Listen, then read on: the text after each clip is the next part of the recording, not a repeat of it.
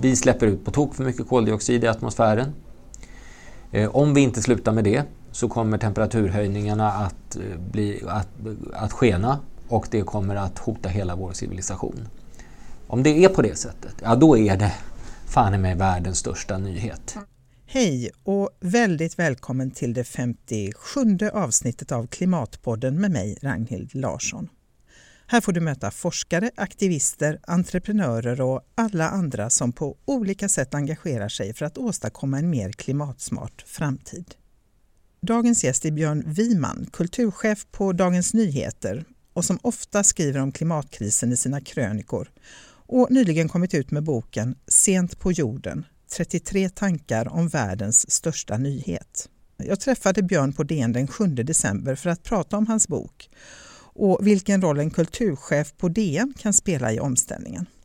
Vi pratade också om journalistikens ansvar i stort för att hantera klimatkrisen, liksom politikernas brist på ansvar och hur man hanterar det smått absurda i att som människa stå och sopsortera en mjölkkartong samtidigt som det öppnar ett nytt kolkraftverk i Kina. Efter att det här avsnittet spelades in har riksdagen släppt fram en budget signerad KD, Moderaterna och SD med nedskärningar på 2 miljarder på klimat och miljöområdet. Bland annat tas flygskatten bort helt och skatten på bensin och diesel sänks. Och i Lysekil har Prem fått tillstånd att bygga ut sin verksamhet så att de blir Sveriges största utsläppare av fossila bränslen. Hur är det möjligt? Vi tycks leva i parallella verkligheter. Jag träffar förstås många som är engagerade i klimatkrisen och då är det ju lätt att få för sig att de flesta människor nu har både fattat hur illa läget är och att de själva är beredda att agera för att åstadkomma en förändring. Men så rör jag mig lite utanför min egen bubbla och möter förvånansvärt många som inte insett allvaret och som till och med ifrågasätter klimatförändringarna. Och framför allt att de skulle ha något eget ansvar. På en fest nyligen berättar en man att han flyger minst 30 gånger per år till sitt hus i Spanien och att han minsann tänker fortsätta med det. För vad han gör spelar ju ingen roll. På tunnelbanan pratar en ung kille med sin tjejkompis om hur han ska kunna maximera antalet flygresor för att komma upp i guldbonusklass. Som om klimatkrisen inte existerade. Samtidigt är det allt fler som inser att vi inte kan överlåta ansvaret för framtiden till våra politiker. Protesterna och de civila olydnadsaktionerna fortsätter med ökad styrka. Och 15-åriga Greta Thunberg visar det ledarskap politikerna inte gör och påpekar det faktum att kejsaren är naken. Om du gillar Klimatpodden och vill stötta arbetet med att producera den så är du väldigt välkommen att skänka ett valfritt belopp till Klimatpoddens eget Swish-konto. 123 396 2974. Alltså 123 396 2974. Och tusen tack till er som har valt att stötta podden sedan sist. Och det är bland annat Rufus Lattan och Linus Ekström. Ni gör det möjligt att fortsätta producera Klimatpodden. Och kom ihåg att höra av dig med synpunkter och förslag på ämnen och gäster i kommande poddar. Och kom för all del ihåg att dela med dig av podden till andra som du tror eller borde vara intresserade. Men nu är det dags att köra igång dagens avsnitt med Björn Wiman. Varsågoda! Välkommen till Klimatpodden Björn Wiman. Tack så mycket. Vem är du? Jag är kulturchef på Dagens Nyheter. Har varit det i drygt åtta år. Dessförinnan var jag på Expressen i samma befattning. Så att jag har varit journalist i kulturbranschen i ungefär 20 år nu och eh, ja, jag har ju skrivit om klimatfrågan då, regel, ganska regelbundet i, sedan 2011, ungefär sedan jag kom till DN faktiskt och eh, nu också gjort det med lite större intensitet nu efter den här sommaren 2018. Ja, och vad var det som väckte ditt engagemang i den här frågan? Vad var det som gjorde att du, ja från början? Från, bör, från allra första början? Ja men alltså från allra första början så är det här nog en sak som har följt mig sedan sen tonåren. Jag var ju aktiv i, eh, i eh, fredsrörelsen när jag gick i gymnasiet i en organisation som hette Samarbete för fred som an, an, arbetade för avspänning mellan supermakterna under kalla kriget. Och i det fanns ju just, det, var ju under den perioden då kärnvapenhotet upplevdes verkligen som ett existentiellt hot och någonting eh, just apokalyptiskt. Och antagligen så, så fanns hos mig ett slags dragning mot det här och eh, en, en, en, nerv som låg öppen för den här typen av, av st stora frågor som ställer liksom livet på sin spets. Och eh, där tror jag kanske att just när, när, klimatkrisen sen började verkligen framträda på allvar i mitten av 2000-talet, 2006 i samband med, med Al Gore och Stern-rapporten och sådär, så, så var det någonting som klang till inom mig då också, som påminde om då, ungdomens engagemang om man säger så. Jag, jag mindes tillbaka här om kvällen tillsammans med, med min familj att jag hade, var, sjöng och spelade i ett rockband när jag gick gymnasiet, precis som många andra. Och jag minns att jag faktiskt skrev en låt redan då som hette Oxygen Panic. Wow. Och som handlade om hur Eh, så att eh, makten och eh, mörka krafter då tog syret ur atmosfären så att vi inte längre kunde att, andas.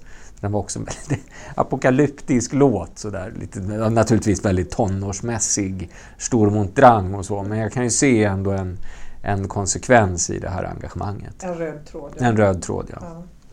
Eh, och så sa du att det blev mer intensivt då, ditt engagemang. Ja, det var ju det som hände nu under sommaren 2018 och som är en erfarenhet som jag tror att jag delar med, med många svenskar. Att klimatförändringarna förändrades från den här så att säga, doftlösa abstraktionen om någonting som kanske kommer att hända någon gång långt fram i framtiden och någonting som kanske händer redan idag fast på andra ställen i världen.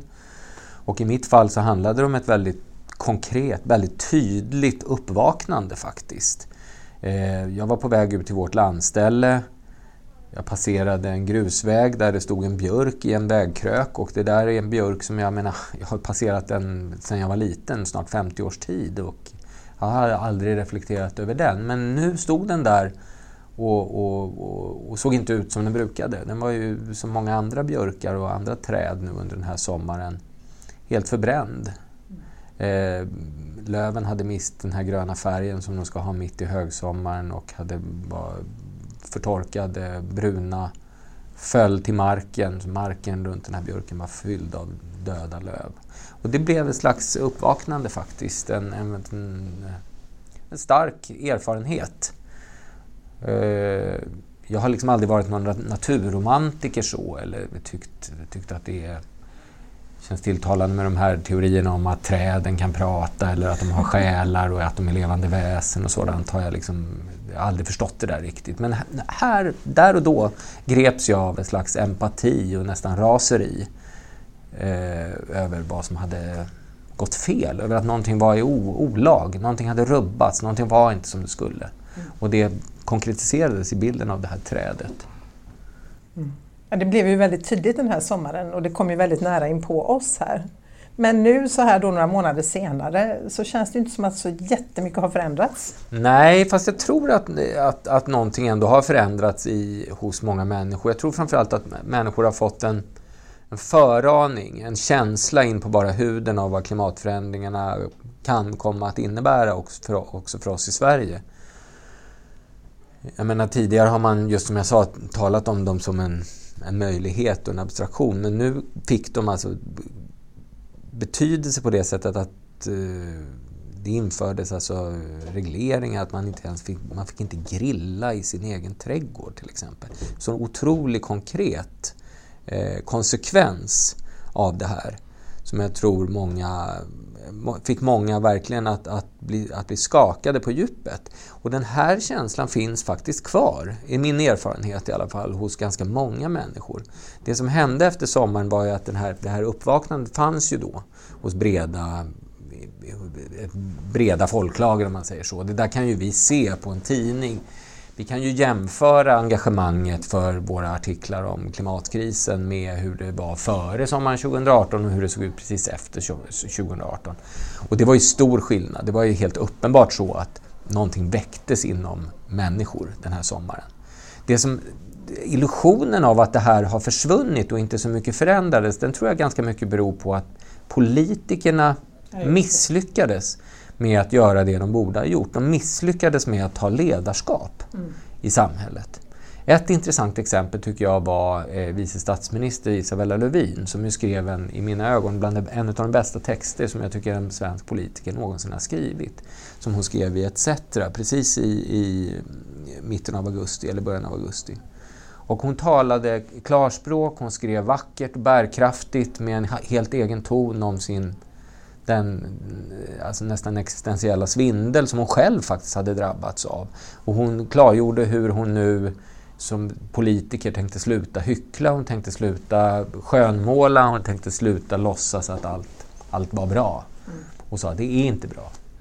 Den här krisen den är, den är omedelbar, den är avgrundsdjup, den är livsfarlig för hela den mänskliga civilisationen. Vi måste göra någonting åt den nu. Och det var en fantastisk artikel. Mm. Men, men den, bara, den, och den blev väldigt spridd, den blev väldigt delad. Men det som hände sen var ju inte bara med Isabella Lövin utan med hela hennes parti och med alla andra politiker som hade kommit fram i det här. De återgick i den här vanliga business as usual-retoriken. I Miljöpartiets fall så handlade det om att man återgick i ett slags beskrivning av att Sverige är ändå väldigt bra, vi har kommit väldigt långt, titta så bra det har gått med, med den svenska klimatpolitiken nu när vi har suttit i regeringen och så vidare. Så att man lämnade den här, det här klarspråket och man lämnade den här tydliga visionen av hur samhället ser ut idag och vad vi måste göra och återgick till den här ganska erbarmliga eh, beskrivningen av att allting är, är, ganska bra och vi knoggar på och det blir bättre och bättre för varje dag som går. och, det, och det där lämnade, jag tror att det lämnade så att säga väldigt många människor i, i, i ett tomrum. Ja. Och det är ett tomrum där man faktiskt efterlyste ledarskap. Och det intressanta är ju just att, att det, det, kom ju fram ledarskap i samhället. Men vem var det som tog det? Jo, det var en 15-årig tjej ja. alltså, som satte sig utanför riksdagshuset. Det var hon som gjorde det som politikerna misslyckades med. Hon tog ledarskap. Hon formulerade en bärkraftig och trovärdig vision för hur samhället ser ut, vad vi måste göra för att förändra det. Det var hon som gjorde det. Och titta vilken, vilken rörelse hon satte igång. Ja, Jag menar, hon satte igång en rörelse över hela världen med, där ungdomar skolstrejkar i Australien och i flera länder i Europa.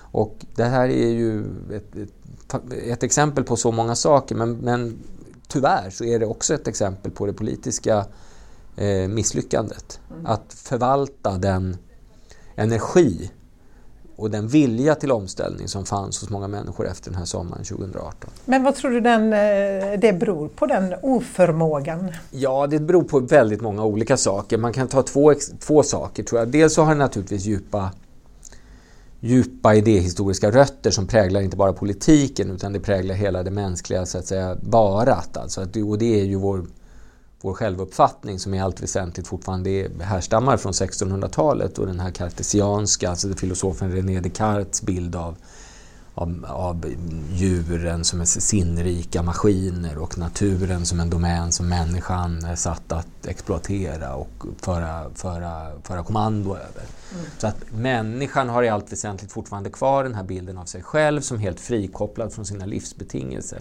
Och människan är en sak och så miljö då det här relativt hemska ordet om jag får använda det det här hemska ordet miljö finns någon helt annanstans, det handlar om något helt annat. Det är något lite liksom töntigt, skogsmulleaktigt, har inte med oss att göra riktigt. Och det där präglar ju allt väsentligt stora delar av det offentliga samtalet och det offentliga tänkandet fortfarande. Jag tror att det kommer förändras, men det, men det är ett utav skälen. Det andra skälet, och kanske viktigare, det är ju den innebyggda kortsiktighet som finns i parlamentariska systemet. Alltså det är ju inte riktigt funtat så att säga för att hantera problem som är, dels är övernationella, de är globala, och dels problem vars värsta konsekvenser inte ligger inom den rådande mandatperioden utan som ligger väsentligt mycket längre fram i tiden. Mm. Så det är två anledningar till att politikerna misslyckats. Och jag tror att en tredje anledning är väl rädsla, tror jag också att man, man tror att man skulle ha förlorat väldigt mycket på att just ta ledarskap och formulera sig så tydligt som Isabella Lövin gjorde då i, i slutet av sommaren.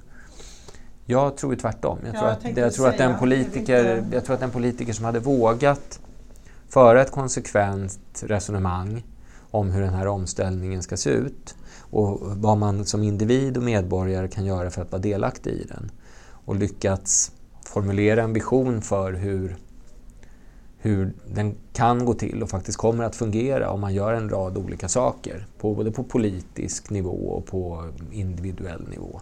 Den politikern, och samtidigt våga tala klarspråk om att det kommer inte bli lätt. Det kommer att bli konflikter, det kommer att bli motsättningar, vi kommer att få ändra på en del av våra invanda föreställningar om vad som är ett gott liv. Det kommer att ske, ja så är det. Men vi kommer att klara det om vi gör det tillsammans. Den politiker som hade vågat lägga upp den här målkonflikten på bordet och tala klarspråk om den, den tror jag hade vunnit stor trovärdighet faktiskt hos ganska många människor. Fler än vad politikerna själva tror i alla fall.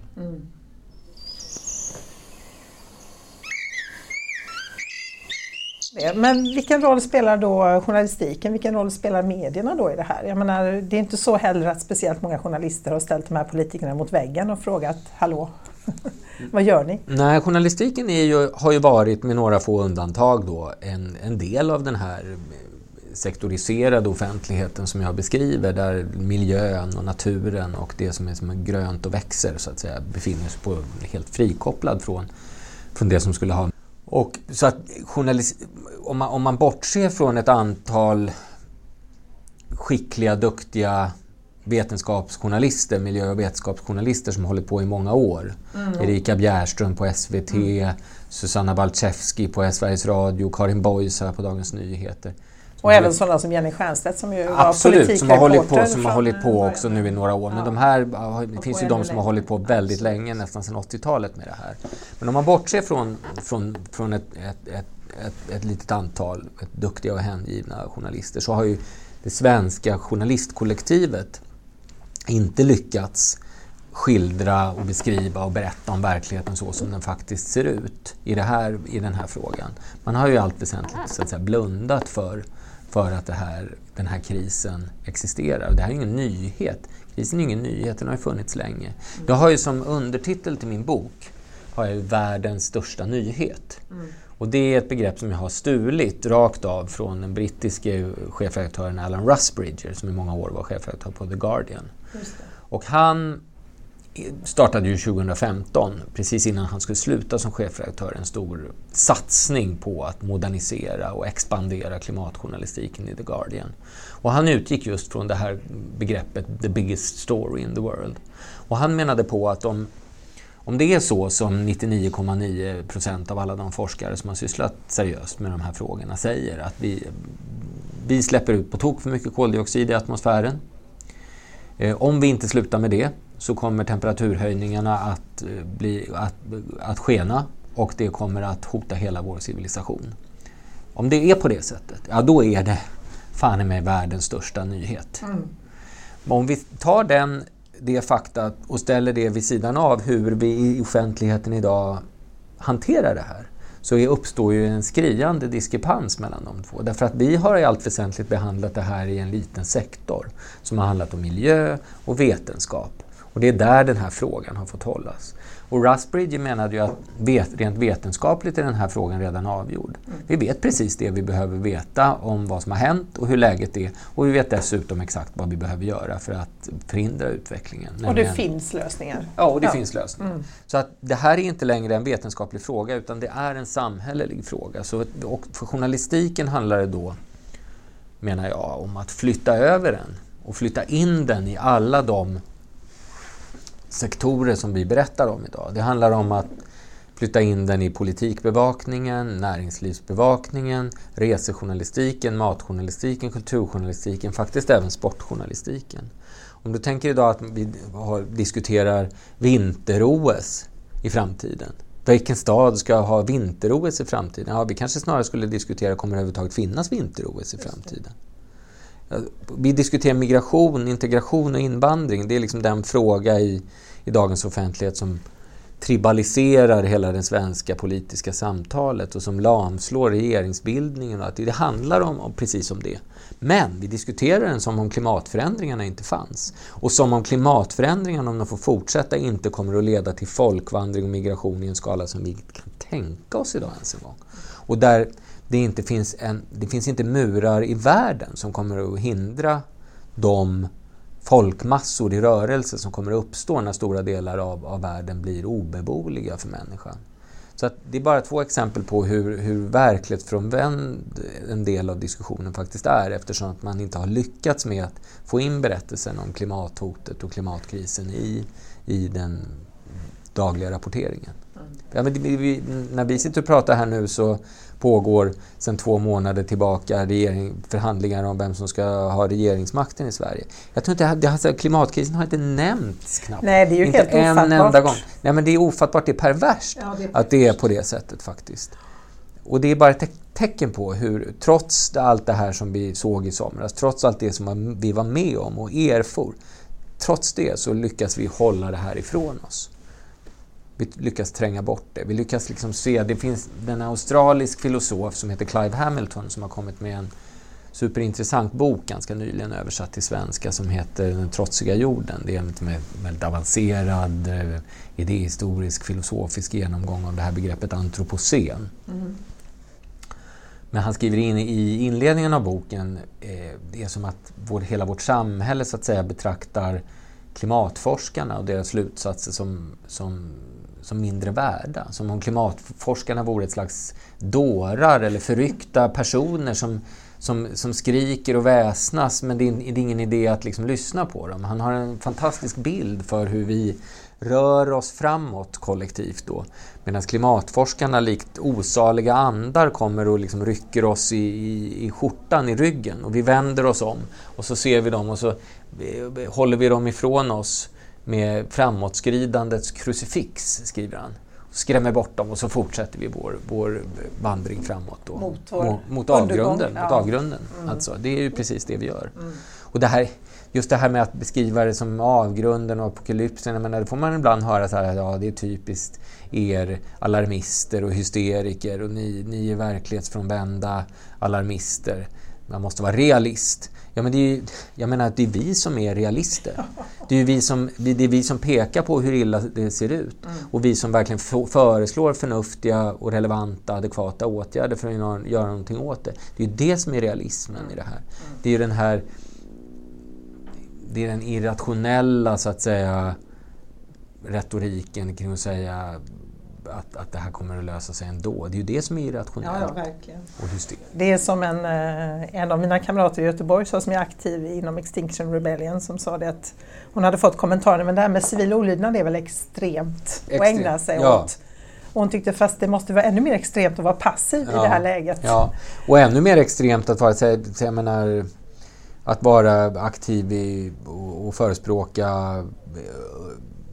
utvinning av fossila bränslen idag. Jag menar, det är ju egentligen en helt, en helt grotesk verksamhet i ljuset av vad vi vet. Mm. Och ändå gör vi det. Mm. Varje dag. Mm. Och vi, vare sig vi vill eller inte, är vi ju fångade i det här systemet. Vi, du och jag som individer sitter ju fast i det här systemet. Vi kan ju inte existera i vårt samhälle, knappt. Jag tror att det finns någon som har räknat ut det till och med. Att inte, om, inte ens om man själv blir både vegan och slutar röra på sig överhuvudtaget så klarar man de koldioxidmål som vi måste ner till om vi ska ha en hållbar framtid. Nej. Och det är ju rätt nedslående. Alltså. Väldigt. Mm. Fast då är vi inne på det resonemanget som du är inne på i din bok också, det här med att eh, spela någon roll då vad vi gör.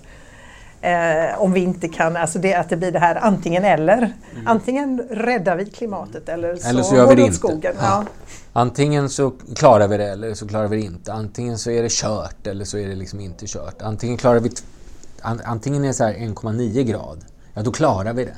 Eller så är det 2,1 och då är det kört. kört. Ja. Och så är det ju inte.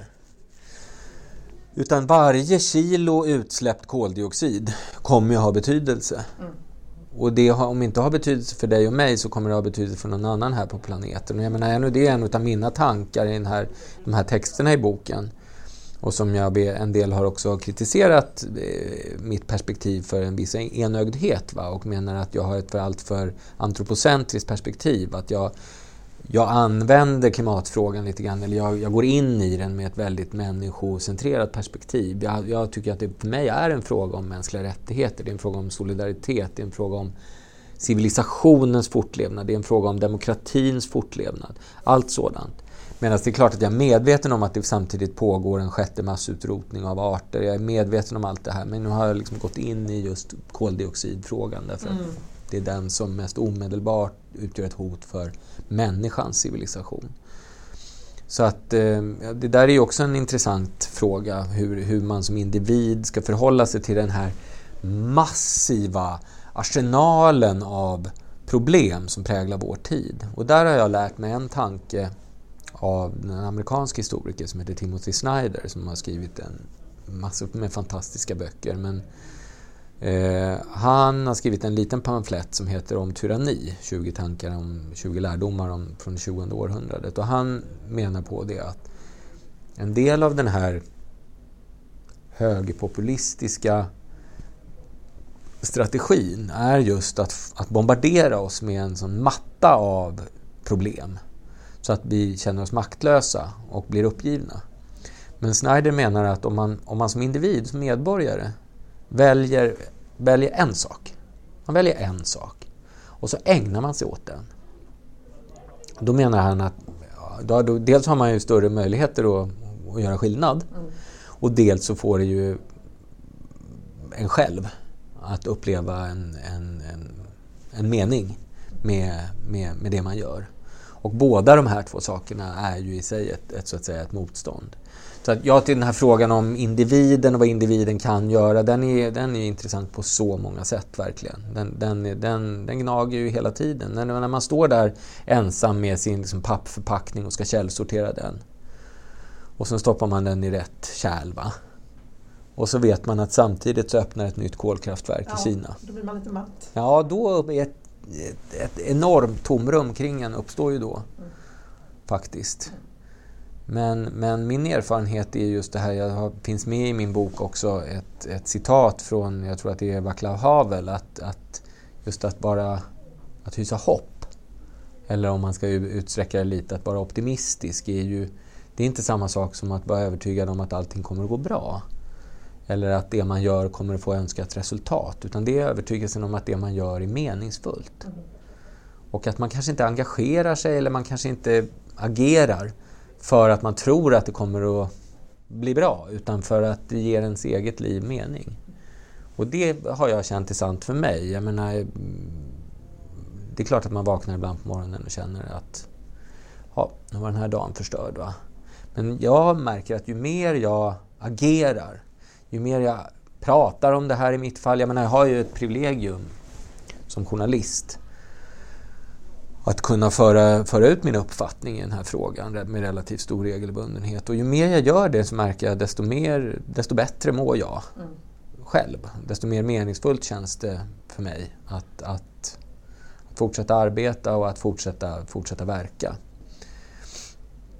Så det är ju en sak.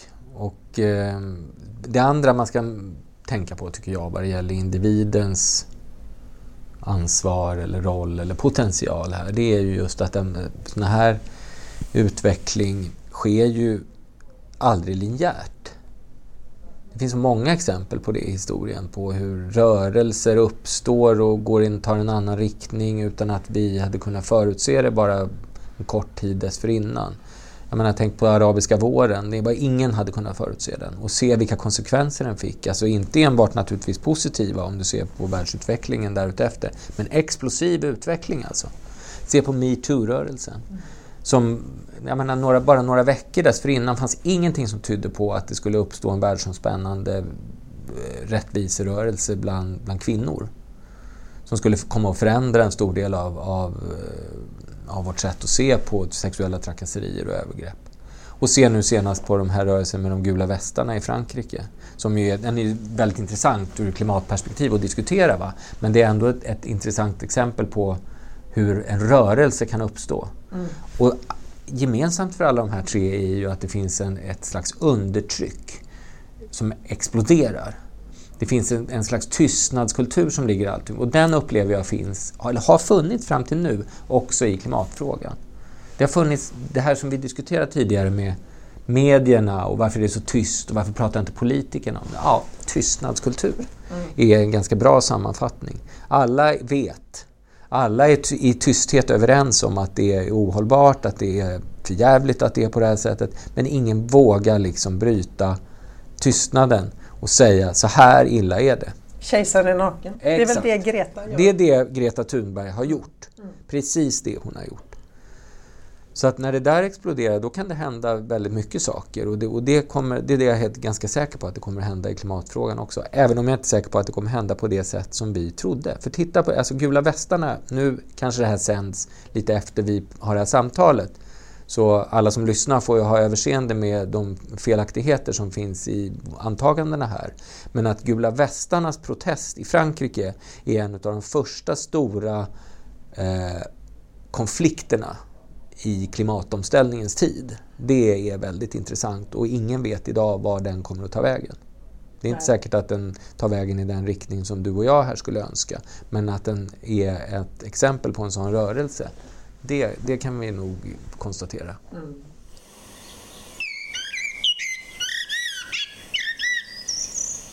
Hur ser du på situationen just nu då i Sverige till exempel? Alltså det bubblar ju väldigt mycket känns det som. Det känns som att det händer saker. Mm. Eller också är det för att man själv är inne i sin egen lilla bubbla. Nej men det gör det. Vi pratade ju om journalistiken och den kan vara intressant att prata om eftersom att jag är verksam inom ja, det verkligen. fältet och har en viss inblick i det. Och det, det händer enormt mycket där. Jag träffade häromdagen eh, SVTs reporter Erika Bjärström som är en av de absolut skickligaste och mest hängivna journalisterna på klimatområdet. Hon håller på jättelänge. Hon hade haft en fortbildningskurs för journalister på FOJO som är ett sånt fortbildningsinstitut häromdagen tillsammans med Johan Rockström. Och det hade varit om klimatjournalistik och det hade varit fulltecknat och det hade varit en jättelång väntelista. Det hade varit journalister från alla ämnesområden där, väldigt mycket ekonomijournalister inte minst. Chefen för Uppdrag granskning hade varit där och gått kursen. Och det här är någonting som det hade inte hänt för, några, för ett år sedan bara. Det hade Nej. varit fullständigt otänkbart kan jag säga. Så där händer någonting. Det kan man se, rent tydligt se. Vi kan se det på läsarnas engagemang. Eh, jag märkte när jag började skriva regelbundet mina krönikor om klimatet med så här nästan en dåres envishet då efter sommaren, skriva varje söndag, så blev det ett gensvar som, som jag inte varit med om tidigare. Inte ens faktiskt när det hettade till som mest i samband med bevakningen av Svenska Akademin så var det samma gensvar. Utan det, det, är, ehm, det var enormt och det märker vi fortsättningsvis också. Och vi märker ju hur, hur, hur människors krav på oss som medieföretag har förändrats och skärpts. Alltså det, om du talar med DNs chefredaktör nu, Peter Wolodarski, eller redaktionschefen Kaspar Opitz, så är ju en stor del av de, de, de korrespondens de har haft med DNs läsare under, efter sommaren har ju handlat om varför, varför skriver ni inte mer? Varför gör ni inte mer om klimatet? Det är det här undertrycket jag talar om. Så att vi har ju nu utvecklat vår klimatjournalistik under hösten och i, i enlighet med, med, moderna och uppdaterade läsares krav. Och det handlar återigen, det handlar liksom inte om att journalisten ska, journalistiken ska förvandlas till kampanjorganisation. Utan det handlar om att vi ska beskriva verkligheten som den ser ut. Vi ska inte vara optimister, vi ska inte vara pessimister, vi ska beskriva verkligheten, vi ska vara realister. Och är vi realister och beskriver verkligheten, ja då kommer den här frågan, den finns med i nästan alla fält. Va? Och man märker också på eh, läsarnas krav när det gäller de rent strukturella eh, betingelserna för mediebranschen, då, till exempel annonser. Att det finns eh, jag skriver ju varje söndag då och jag får ju också varje söndag mejl om att det är utmärkt det du skriver, fortsätt med det. Men, men, tio sidor längre fram kommer en annons för, för flygbolag. Och tio sidor längre fram så, ja, så kommer liksom bil, bil sälja resor till mm. Dubai och så vidare. Mm. Det hänger inte ihop. Och det är sant, det hänger inte ihop. Men det är inte säkert heller att det, att det, det, det där är ganska komplext att diskutera kring. För det första kan vi inte, inte heller DN göra omställningen så att säga över en natt. Mediebranschen kan inte göra det. Men jag är säker på att den här omställningen den kommer. Den kommer komma fortare än vad vi tror idag. Därför att läsarnas förväntningar, läsarnas beteende, läsarnas normer är, är stad, stadda i förändring, stark förändring. Och det är lätt att uttrycka sitt missnöje på Facebook-sidor och annat. Ja, liksom med ja olika... men, men det är ju också, det är också ett tecken på hur, hur moderna uppdaterade medborgare ser att så här, så här kommer vi nog inte kunna fortsätta. Nej. Och det här kan man jämföra med, återigen jämföra med andra rörelser i historien, till exempel med tobaksindustrin och hur våra normer har förändrats där. Jag menar, när vi sitter här och pratar nu så var det bara precis igår så kom det ett förslag om att man ska förbjuda rökning på utomhusserveringar. Och hade någon sagt det här till dig för 20 år sedan, då hade ju du skrattat. Mm. Du hade sagt det är omöjligt. Mm. Alla röker ju. När jag började på Expressen här för 20 år sedan satt ju folk och rökte i sina tjänsterum. Ja, ja. Idag får du, jag tror inte ens om de får röka här utanför längre. Va? Så att det, såna, den där typen av normförskjutningar i samhället går ju, kan ju gå väldigt, väldigt fort. Och om du ser nu på hur många städer i Europa agerar, Madrid, Paris, de, alltså, de förbjuder fossildrivna bilar i sina städer inom loppet av några år nu. Jag är helt säker, om fem, sex år, tio år, säg tio, så kommer vi inte att sitta och köra fossildrivna bilar längre. Det kommer inte vara acceptabelt. Det kommer inte vara socialt acceptabelt att göra det. Nej. Precis på samma sätt gäller ju flygresorna. Mm. Och jag menar, där är, tror jag att det som kommer ske är ju inte att det är ju inte att medieföretag eller, eller eh, annonsörer kommer att, så att säga, utfärda förbud eller varningsskyltar och sådant, utan det kommer att nor normerna kommer att förändras. Normerna kommer att förändras. Fast samtidigt så har det ju varit en väldigt intensiv debatt om flygandet och många har gått ut och sagt eh, att de inte tänker flyga och samtidigt har ju flygresorna då ökat. Ja. Så det är ju hela tiden det här parallella liksom. Ja, det finns, det finns parallellt därför att konsumtionssamhället, parallellt med att de här normerna gasa, eller förändras, så gasar ju konsumtionssamhället på. Så precis parallellt med den här rörelsen som vi sitter och pratar om så uppstår ju liksom Black Friday också. Och det, liksom konsumtionssamhället hittas hela tiden på nya nya eh, idéer för att få oss att fortsätta konsumera.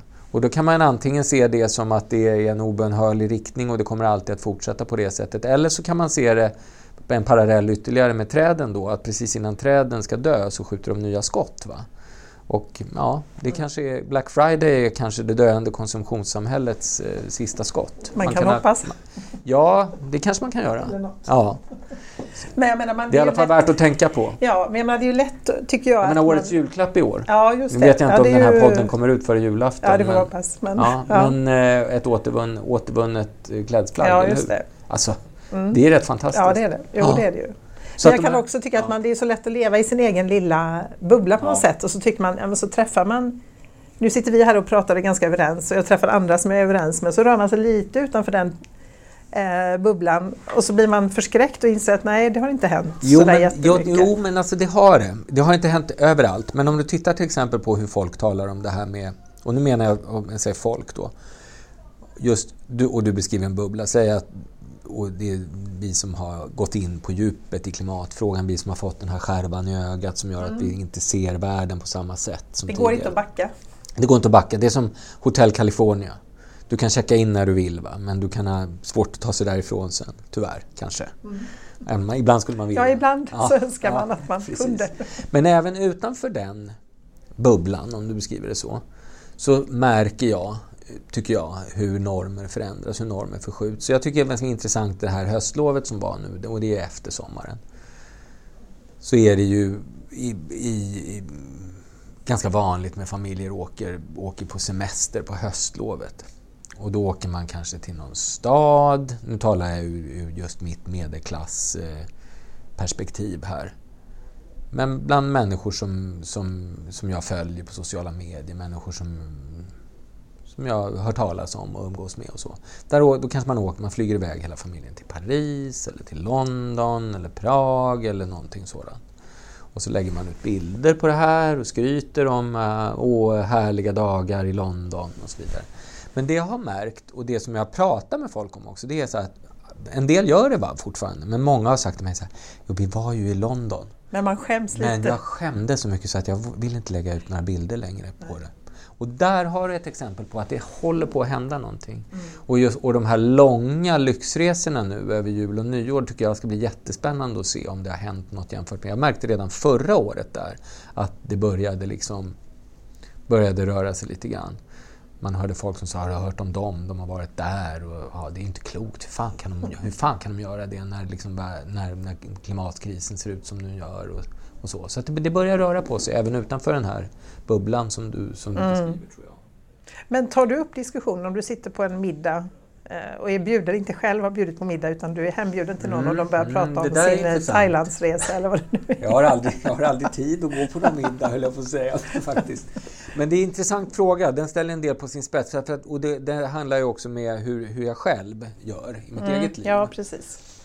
Och jag skulle säga, jag skulle, på din fråga skulle jag säga nej. Jag har inte kommit till det stadiet än att jag liksom tar upp det. Nu är det väl så att nu vet väl de flesta att jag har gjort den här boken. De vet att jag skriver regelbundet om det. Så jag har märkt att folk liksom lite pliktskyldigt sådär skojar till det lite grann. Sådär. Någon berättade här att de skulle åka till någon bokmässa i Indien till exempel. Sådär. Och då måste man ju flyga. Så, lite skam, skamset då, när, när jag är med. Va? Ja. Men det är ju lite på skämt. Men jag har liksom inte tagit den jag, har, jag tar inte upp det med folk så, det har jag inte börjat göra. Det kanske man gör, jag vet inte. Men, men eh, jag har ju också fått frågan då av en eh, kvinna som heter Maja Rosén som, bjuder, som driver den här kampanjen om flygfritt 2019. Just det, hon bor på Brännö utanför Göteborg. Ja. Mm. Och eh, hon ville ju gärna att jag skulle gå med i den här kampanjen och jag skulle nog i principiellt inte har någonting emot det faktiskt. Därför att jag märker ju på mig själv hur, hur mycket jag... Hur, hur man, när man går, återigen, när man får den här skärvan i ögat mm. så börjar man se världen på ett annat sätt och det leder också till att man agerar på ett annat sätt. Även om man inte hade tänkt det kanske från början. Men jag, just vad det gäller flygfriheten så har jag väl... Min tanke är att jag ska försöka flyga så absolut så lite som möjligt jag har svårt att förbinda mig till ett sådant löfte med tanke på mitt jobb. Det kan hända någonting som gör att jag får förpliktelser mot min arbetsgivare, mot tidningen, som gör att jag kanske måste flyga. Och om jag då gör det och har gjort utfäst ett sådant ja, löfte då blir det så ja, det blir, då, då faller allt. Liksom. Mm. Så att, men jag var till exempel inbjuden till en konferens nu i München i höstas. En konferens som faktiskt har att göra med ett forskningsprojekt som har rört just hållbarhetsfrågor och sådant som, som jag har varit involverad i som slags mediepartner. Och det var i München jag tackade jag i våras och tyckte det skulle bli jättekul att åka till München. Det är en underbar stad, det är fantastiska museer, underbar mat. Jag älskar München alltså. Och sen så började, fick jag den här skärvan i ögat i somras. Och så kände jag bara i augusti, när augusti kom, nej, nej, ingen lust. Jag, jag har ingen lust att sätta mig på ett flygplan för att åka dit, vara med i panelsamtal i en halvtimme och sen flyga hem igen dagen efter. Mm. Nej, det är inte värt det. Jag vill inte. Nej. Och det är så menar jag engagemanget kryper på en. Snarare, i alla fall i mitt fall, snarare än i form av att jag utfärdar så att säga ukaser mot mig själv och mm. säger du får inte göra det, Nej. du får inte, du ska inte, du får inte, du får inte. Utan det sker organiskt. Samma sak är det med, mitt, med, med hur jag äter. Jag äter i princip bara kött tillsammans med familjen nu. Därför att ja, det finns en del där som, som vill det. Jag vill det själv ibland också, men aldrig annars. Så att när jag är liksom för mig själv och kan välja bara utifrån mina egna behov och min egen vilja så äter jag inte kött. Jag har ingen lust. Jag tycker, jag tycker inte det känns meningsfullt att göra det. Det känns fel. Mm. Det känns bra att låta bli. Så att så där tror jag förändring sker för, in, för mig i alla fall som individ. Och jag tänker mig att jag, precis som om man ser på hur en trovärdig global omställning skulle se ut, skulle den nog, ser den nog ut på individnivå också. Det är inte så att jag säljer mitt hus nu och liksom flyttar ut i en jordkula och börjar äta kall potatis. Va? Utan det här får ju ske med viss systematik, mm. steg, stegvis. Mm. Men, men eh, ungefär så har, jag, har, har det fungerat i mitt fall. Hur har, hur har det varit för dig?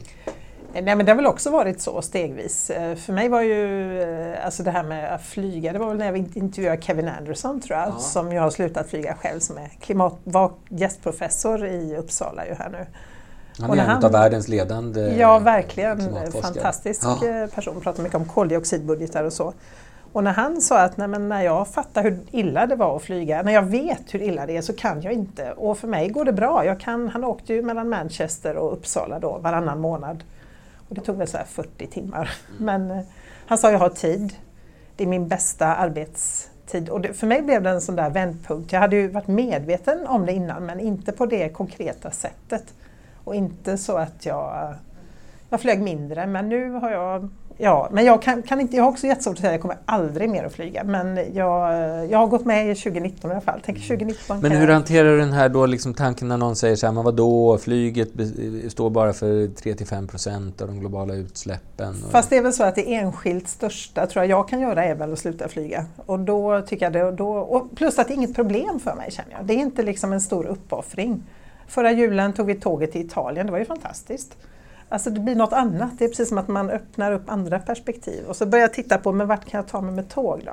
I sommar är jag jättesugen på tågluffar på det gamla traditionella sättet. Du får åka med DN-tåget i sommar. Ja, har du hört okay, talas om nej, har, nej, du inte? Nej. Får jag berätta om det ja, i podden? Gör det. Ja, gör det. För att det här är ju ett sånt resultat av den här kommunikationen vi har med våra läsare och just den här kritiken som har handlat väldigt mycket om det här flyg, flygets dominans i både i resejournalistiken och de resor som vi också stod bakom till del. Och då är ju eh, Peter Wolodarski som är DNs chefredaktör, han är ju extremt intresserad av tåg. Och hans fråga ställdes, han ringde mig en, en kväll i våras och sa han så här, fan det här med att, att man inte kan liksom boka tågresor i Europa, att det är svårt. Det är ju helt sjukt. Mm. Bo, vi, borde, vi borde chartra ett tåg och åka ner på en liksom kulturresa i Europa i sommar. Och jag var så här, det är en briljant idé, det är lysande. Men lycka till, liksom. Därför att du vet hur det är med liksom alla tåg. Ja. Men nu har ju vi gjort det. Vi har ju chartrat ett tåg, via, ett tyskt tåg, ja. via, i samarbete med en resebyrå som heter Världens Resor. Så att vi åker nu tåg, DN-tåget genom Europa. Första går i slutet av augusti. Berlin, Venedig, Verona, Wien och tillbaka. Konstbiennalen i Venedig, opera i Verona, museer i Wien. Lite föredrag, bildning under tiden på tåget och på andra ställen. Eh, och den där resan sålde slut på, på eh, två veckor. Så att det blev en resa till. Vi har okay. två tåg genom Europa nu, okay. på varandra. Och, det där, och precis det som du beskrev nu tycker jag var så intressant, att det är, det är ju inget problem, det är bara kul. Mm. För jag har varit med på de här informationsträffarna när vi berättar om de här resorna med våra läsare. Och det är just känslan att många kommer dit och säger så här, åh vad det här ska bli roligt. Ja. Vad spännande det ska bli. Det känns, och just att det känns som att bli ung på nytt, ja. säger några. Va? Att det här är precis när man tar Du vet, det finns ingen dusch på de här tågen. Nej, nej. Men det skiter man i, för att det är någonting annat. Jag tycker det där är helt fantastiskt. Ja. Nej, men jag tror att det handlar mycket om det, att, för det är väl ett problem tänker jag, om, man, om vi ska ställa om och man föreställer sig omställningen som något hemskt, alltså att vi ska leva i säck och aska och allt. Och det är klart att det kommer innebära en del uppoffringar, det blir på ett annat sätt såklart. Men jag tror ju att vi väldigt mycket saknar, och där tänker jag kulturen kommer in, eh, Alltså vi saknar berättelser, vi saknar visioner av hur ska det här omställda samhället se ut. Så vi vet liksom inte vart vi är på väg. Vi vet bara att ja, men vi kan inte fortsätta i den där riktningen för då Nej, och då står man ensam med sin pappersförpackning ja. vid källsorteringen ja. och undrar vart är vi på väg? Ja. Precis så. Men, och det är därför jag tror just det här ledarskapet som kliver fram och kan formulera. Jo men hit är vi på väg. Mm. Det kommer kosta det och det och det och vi kommer behöva göra det och det och det. Men om alla gör det tillsammans blir det meningsfullt. Mm. Och då kommer vi att lyckas. Då kommer det bli glädjefullt att, stå där ja. Och jag har intervjuat David Jonstad som vi pratar om ja. liksom mycket om det här med alltså hur vi lyckades mobilisera inför eh, under kriget, andra världskriget. Och att det blev nästan en tävling, det blev nästan liksom eh, ja, i att kunna leva så, så resurssnålt som möjligt som vi behövde då till exempel. Och det fanns en gemensam fiende så på sätt och vis var det ju enklare. Men ja, och det fanns någon något... som, som sa så här det, måste vi göra. Just det. Tal till nationen. Liksom. Ja, exakt vi har ingen som håller tal till nej, nationen. Nej i den här frågan. Nej, det ska vara då Greta Thunberg ja, just det. som har gjort det. Och det är ju, jag menar, det är både fantastiskt och ett enormt underbetyg till vår offentlighet att en 15-årig tjej ska behöva belastas med det ansvaret alltså. Det, det är det ju. Mm. Även om det också är ett, ett, ett, exempel på just det här de här språngvisa förändringarna som ibland kan uppstå utan att vi förstår hur mm. eller varför. Har du någon sorts eh, känsla för hur nära vi är en sån där tipping point? Nej, jag tror att det är det som är själva poängen med tipping ja, point. Just att man, man kan inte liksom vet. inte förstå. Och jag tror att jag, den här gula västarna tycker jag är så intressant därför att den hade vi inte kunnat se för två veckor sedan. Nej. Helt omöjligt. Och den, kommer, den kan med reservation för att man får helt... Den kan leda i helt oväntade riktningar också. Mm. Men det är Också fel riktning. Ja, just det. Jag menar när, när eh, någon stack en kniv i Jair Bolsonaro i slutet av sommaren hade heller ingen kunnat förutse vad det skulle få för konsekvenser. Nu fick det väldigt olyckliga som det ser ut konsekvenser, nämligen han blev Brasiliens president och har för avsikt att i sin tur sticka en kniv i hela mänsklighetens lunga. Va? Mm. Så att, jag menar, det är väl det som ger en, också kan ge en, en realistisk känsla av hopp. Att det kan hända saker som vi faktiskt inte kan förutse. Det måste man alltid komma ihåg. Mm. Och där har, i, den, i, i, den processen har man ändå alltid som individ och som medborgare ett ansvar, om inte annat inför sig själv, tycker jag. Mm. Jag tycker jättemycket om den här... Eh, jag tycker jättemycket om det som både Hasse och Tage sa på varsitt sätt. Att man liksom måste, man, jag tror Tage Danielsson som sa att man, man, eh, man har en... Eh, man, man ska vara optimist mot bättre vetande. Och Hasse Alfredsson han sa att man har en pl förbannad plikt att vara optimist. Mm. Båda två var väl liksom pessimister i hjärtat om du förstår vad jag menar. Men de var optimister i förnuftet. Och det tror jag att man kan vara både och samtidigt. Mm. Att det mm. gör ens liv meningsfullt faktiskt. Vilken eh, möjlighet tror du då att du har att påverka som kulturjournalist och som, ja, på en stor Nej, men Jag tror att jag har ganska stor möjlighet att påverka och jag märker ju att jag har ju, jag har ju försökt utnyttja den möjligheten nu under den här hösten. Och jag vill verkligen poängtera det. Att jag, jag, jag, det min, avsikt, min tanke är inte att alla journalister ska driva kampanj eller att alla journalister ska förvandlas till liksom klimatkämpar eller så. Utan det är verkligen inte det jag menar. Utan alla journalister ska göra det de är bäst på. Eh, det var en, Martin Luther fick en gång en fråga av en skomakare. Om, skomakaren frågade då hur, hur kan jag göra för att bli en bättre kristen? Och då svarade Martin Luther, gör bättre skor. Och precis så gäller ju liksom för journalistiken. Journalistiken är så utsatt på så många sätt idag i samhället så att om vi fortsätter och använda våra verktyg och göra det vi är bäst på men också applicera det på, på klimatfrågan så kommer vi som journalister att kunna göra stor skillnad när det gäller att berätta om det här. Vi har ju pratat, du och jag har pratat ganska mycket om det här med vad kan man som individ göra nu och vad är ens eget ansvar. Men här finns ju en enorm, tycker jag, underutnyttjad potential idag. Därför att det finns ju stora sektorer av samhället som idag står helt utanför seriös granskning. Om du tittar på fossilindustrin, mm. om du tittar på alltså politikerna och hur de svarar upp mot det de har lovat på klimatområdet och hur, hur, de, hur lite de ställs till ansvar där jämfört med vad de har lovat och hur de ställs till ansvar på andra områden. Det här är två jätteområden för ansvarsutkrävande och för granskande journalistik som, som jag tror kommer att komma. Det här med, med fossilindustrins carte blanche mm. det gör mig enormt upprörd när jag mm. tänker på det mm. faktiskt. Därför att det är, ju precis, alltså det är ju de som vill att den här frågan ska det är de som vill att du och jag ska sitta och prata om om vi flyger eller inte mm. och om vi äter kött eller Ja, inte. just det, på individnivå. Ja, ja mm. för det tjänar de pengar på. Då kan de fortsätta med sin mm. De kan fortsätta riva kol och olja ur marken som om ingenting hade hänt. Medan du och jag, vi sitter ju upptagna och pratar om ifall vi ska flyga eller inte och ifall du hade salami på smörgåsen i morse eller, eller ost.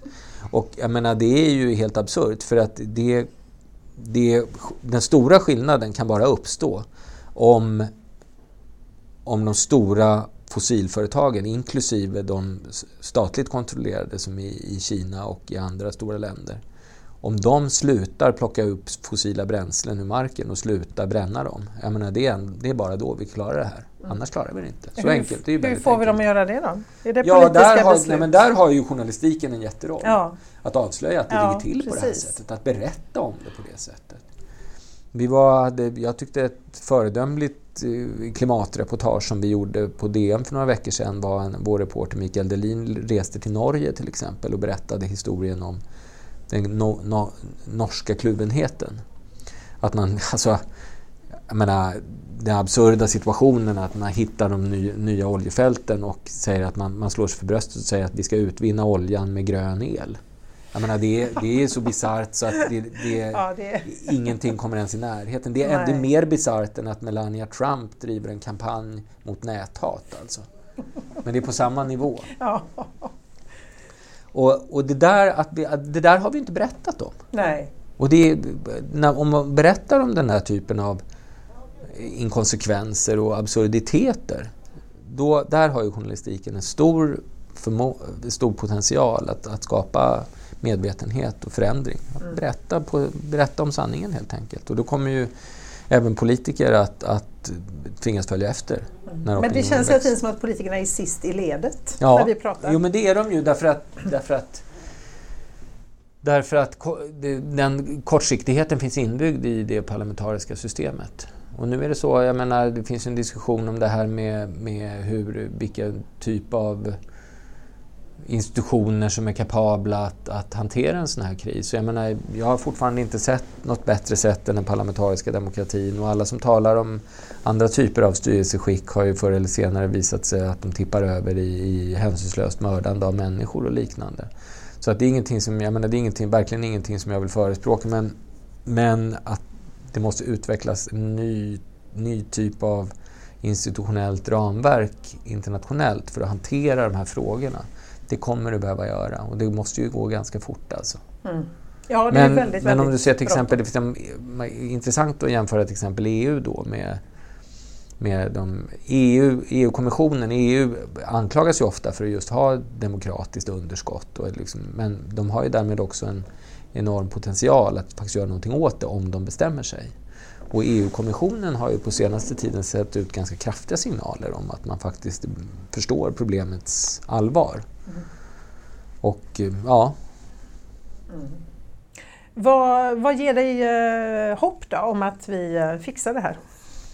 Nej, men jag, åt, jag, jag ska, ska jag vara helt ärlig så är så här, jag in, är inte säker på att jag har hopp om att vi fixar Nej. det här.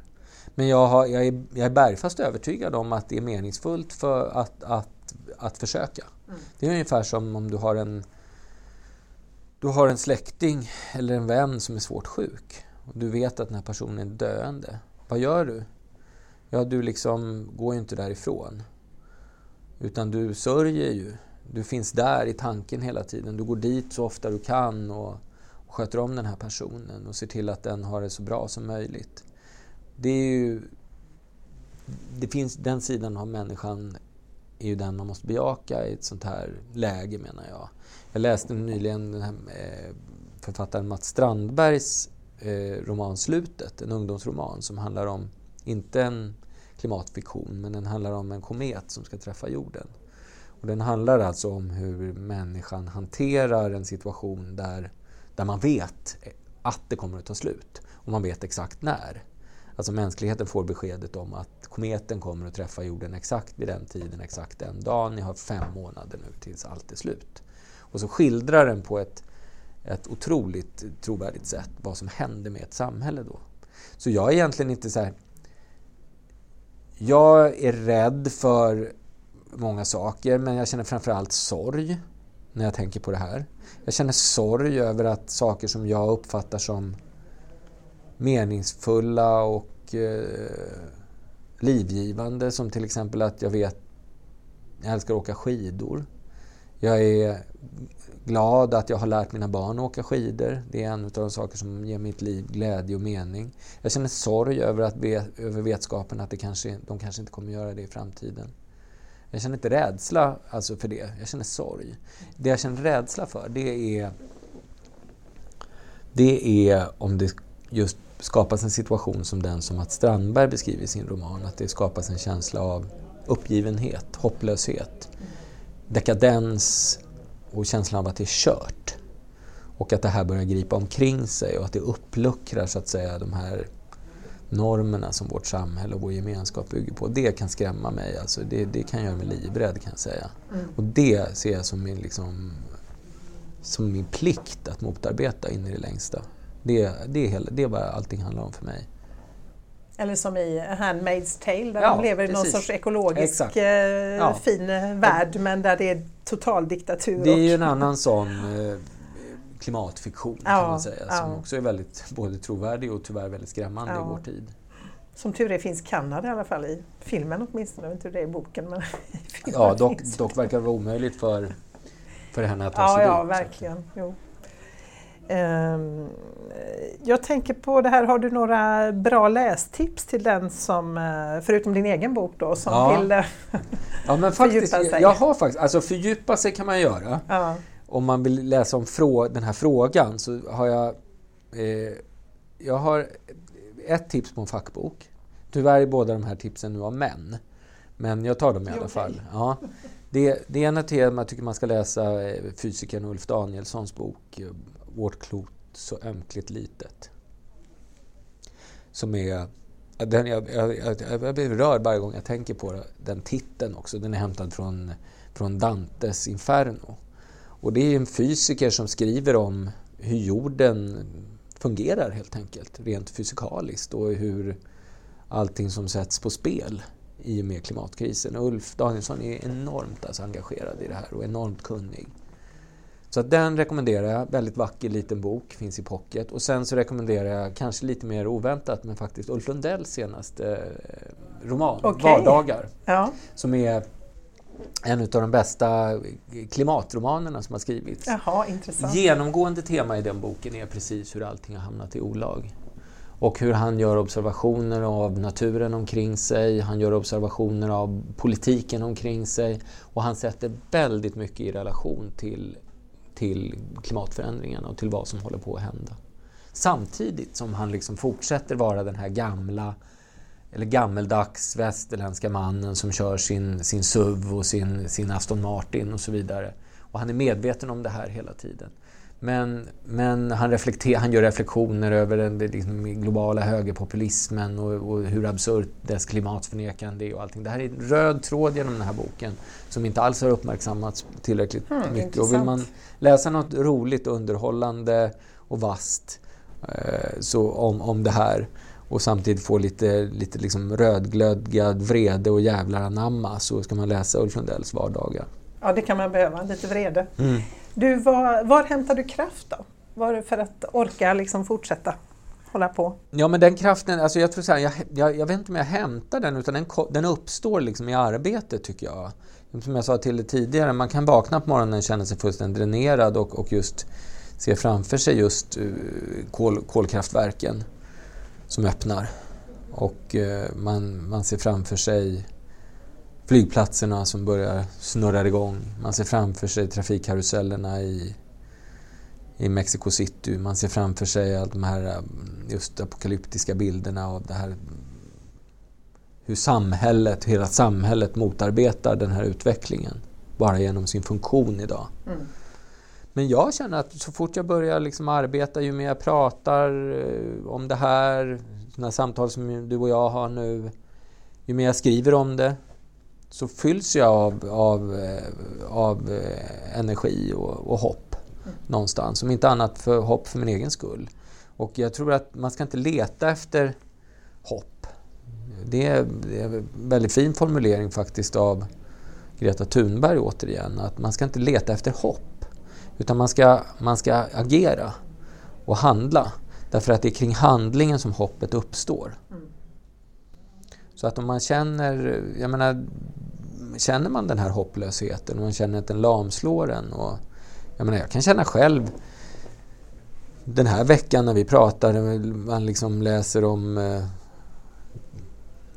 att 2018 nu trots att världen vet inom citattecken hur illa det är så går 2018 går mot det år som kommer att bli ett rekordutsläpp av koldioxid i atmosfären. Ja, det är så Ja, absurt. Det är hur- väl lite hur svårt att ta hanter- in. Hur hanterar man den vetskapen? Mm. Jo, man, man, eh, man går vidare. Jag träffade tidigare FN-ambassadören eh, Jan Eliasson, tidigare utrikesministern, på ett samtal här för några veckor sedan om, som handlar om migration. Och då pratade vi väldigt mycket om klimatförändringarna och vilken betydelse de kommer att få. Men han sa också, han gav också så himla fint citat som jag brukar tänka på också när, när just den här, när man, när man läser om att koldioxiden går mot rekord 2018. Så han sa att Alva Myrdal brukade säga att det är ovärdigt att ge upp. Det är inte ett alternativ. Liksom. Nej, det är ovärdigt Mm. helt enkelt. Det är Mm. inte människovärdigt att ge upp. Nej. man har en plikt att, att fortsätta. Mm. En bra uppmaning till alla lyssnare. Eh, till sist undrar jag, har du, nu, har du någon vision av det omställda samhället? Nej, men jag läste en, en väldigt bra artikel av två forskare som jag inte kommer ihåg namnet på här nu för några veckor sedan som beskrev just hur man hur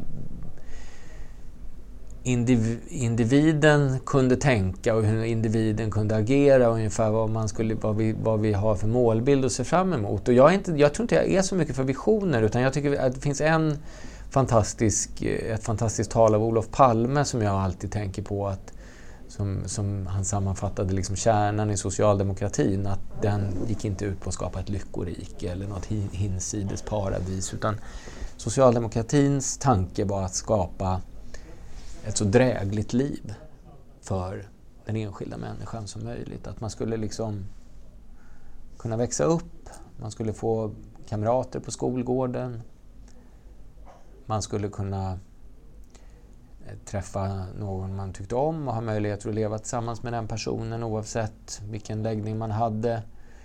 När man blev sjuk skulle man bli omhändertagen och när ens föräldrar blev sjuka så skulle de bli omhändertagna och få hjälp och, och, och sedermera. Så att ett drägligt liv. Och det är ungefär det de beskrev i den här artikeln var att vi måste gradvis liksom skruva oss tillbaka till en rimlig nivå. Och det, det de skildrade, om jag minns det rätt, var egentligen ett liv som på en materiell nivå som vi levde på 70-talet i Sverige. Och du kallar mig nostalgiker, men om, om det är liksom det skräckvision som många ser framför sig när man talar om vi ska tillbaka till stenåldern och det här eh, klimatrörelserna vill riva ner hela vår välfärd. Om det handlar om just att vi bor i rimligt stora bostäder, vi behöver inte nödvändigtvis köra, köra en fossildriven egen bil allihopa varje dag. Vi äter kanske kött på ungefär samma nivå som vi gjorde på 70-talet, det vill säga väldigt sällan. Eh, och vi flyger utomlands en gång vartannat år om, om inget eh, mirakel inträffar och flygindustrin hittar på ett, ett bränsle som, som gör att det är rimligt att flyga. Ja, om det är, är framtiden så tycker jag den låter helt okej. Okay. Mm. Absolut. Tack för att du var gäst i Klimatpodden. Tack för att jag fick vara gäst.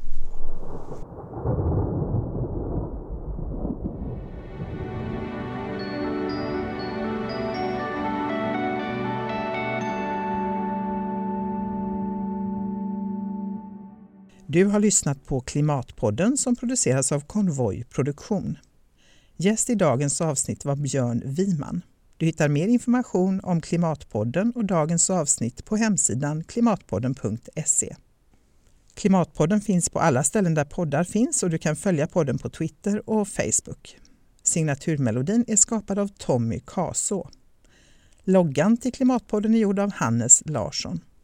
Och vill du stötta arbetet med podden är du välkommen att swisha valfri summa till 123 396 2974. Alltså 123 396 2974.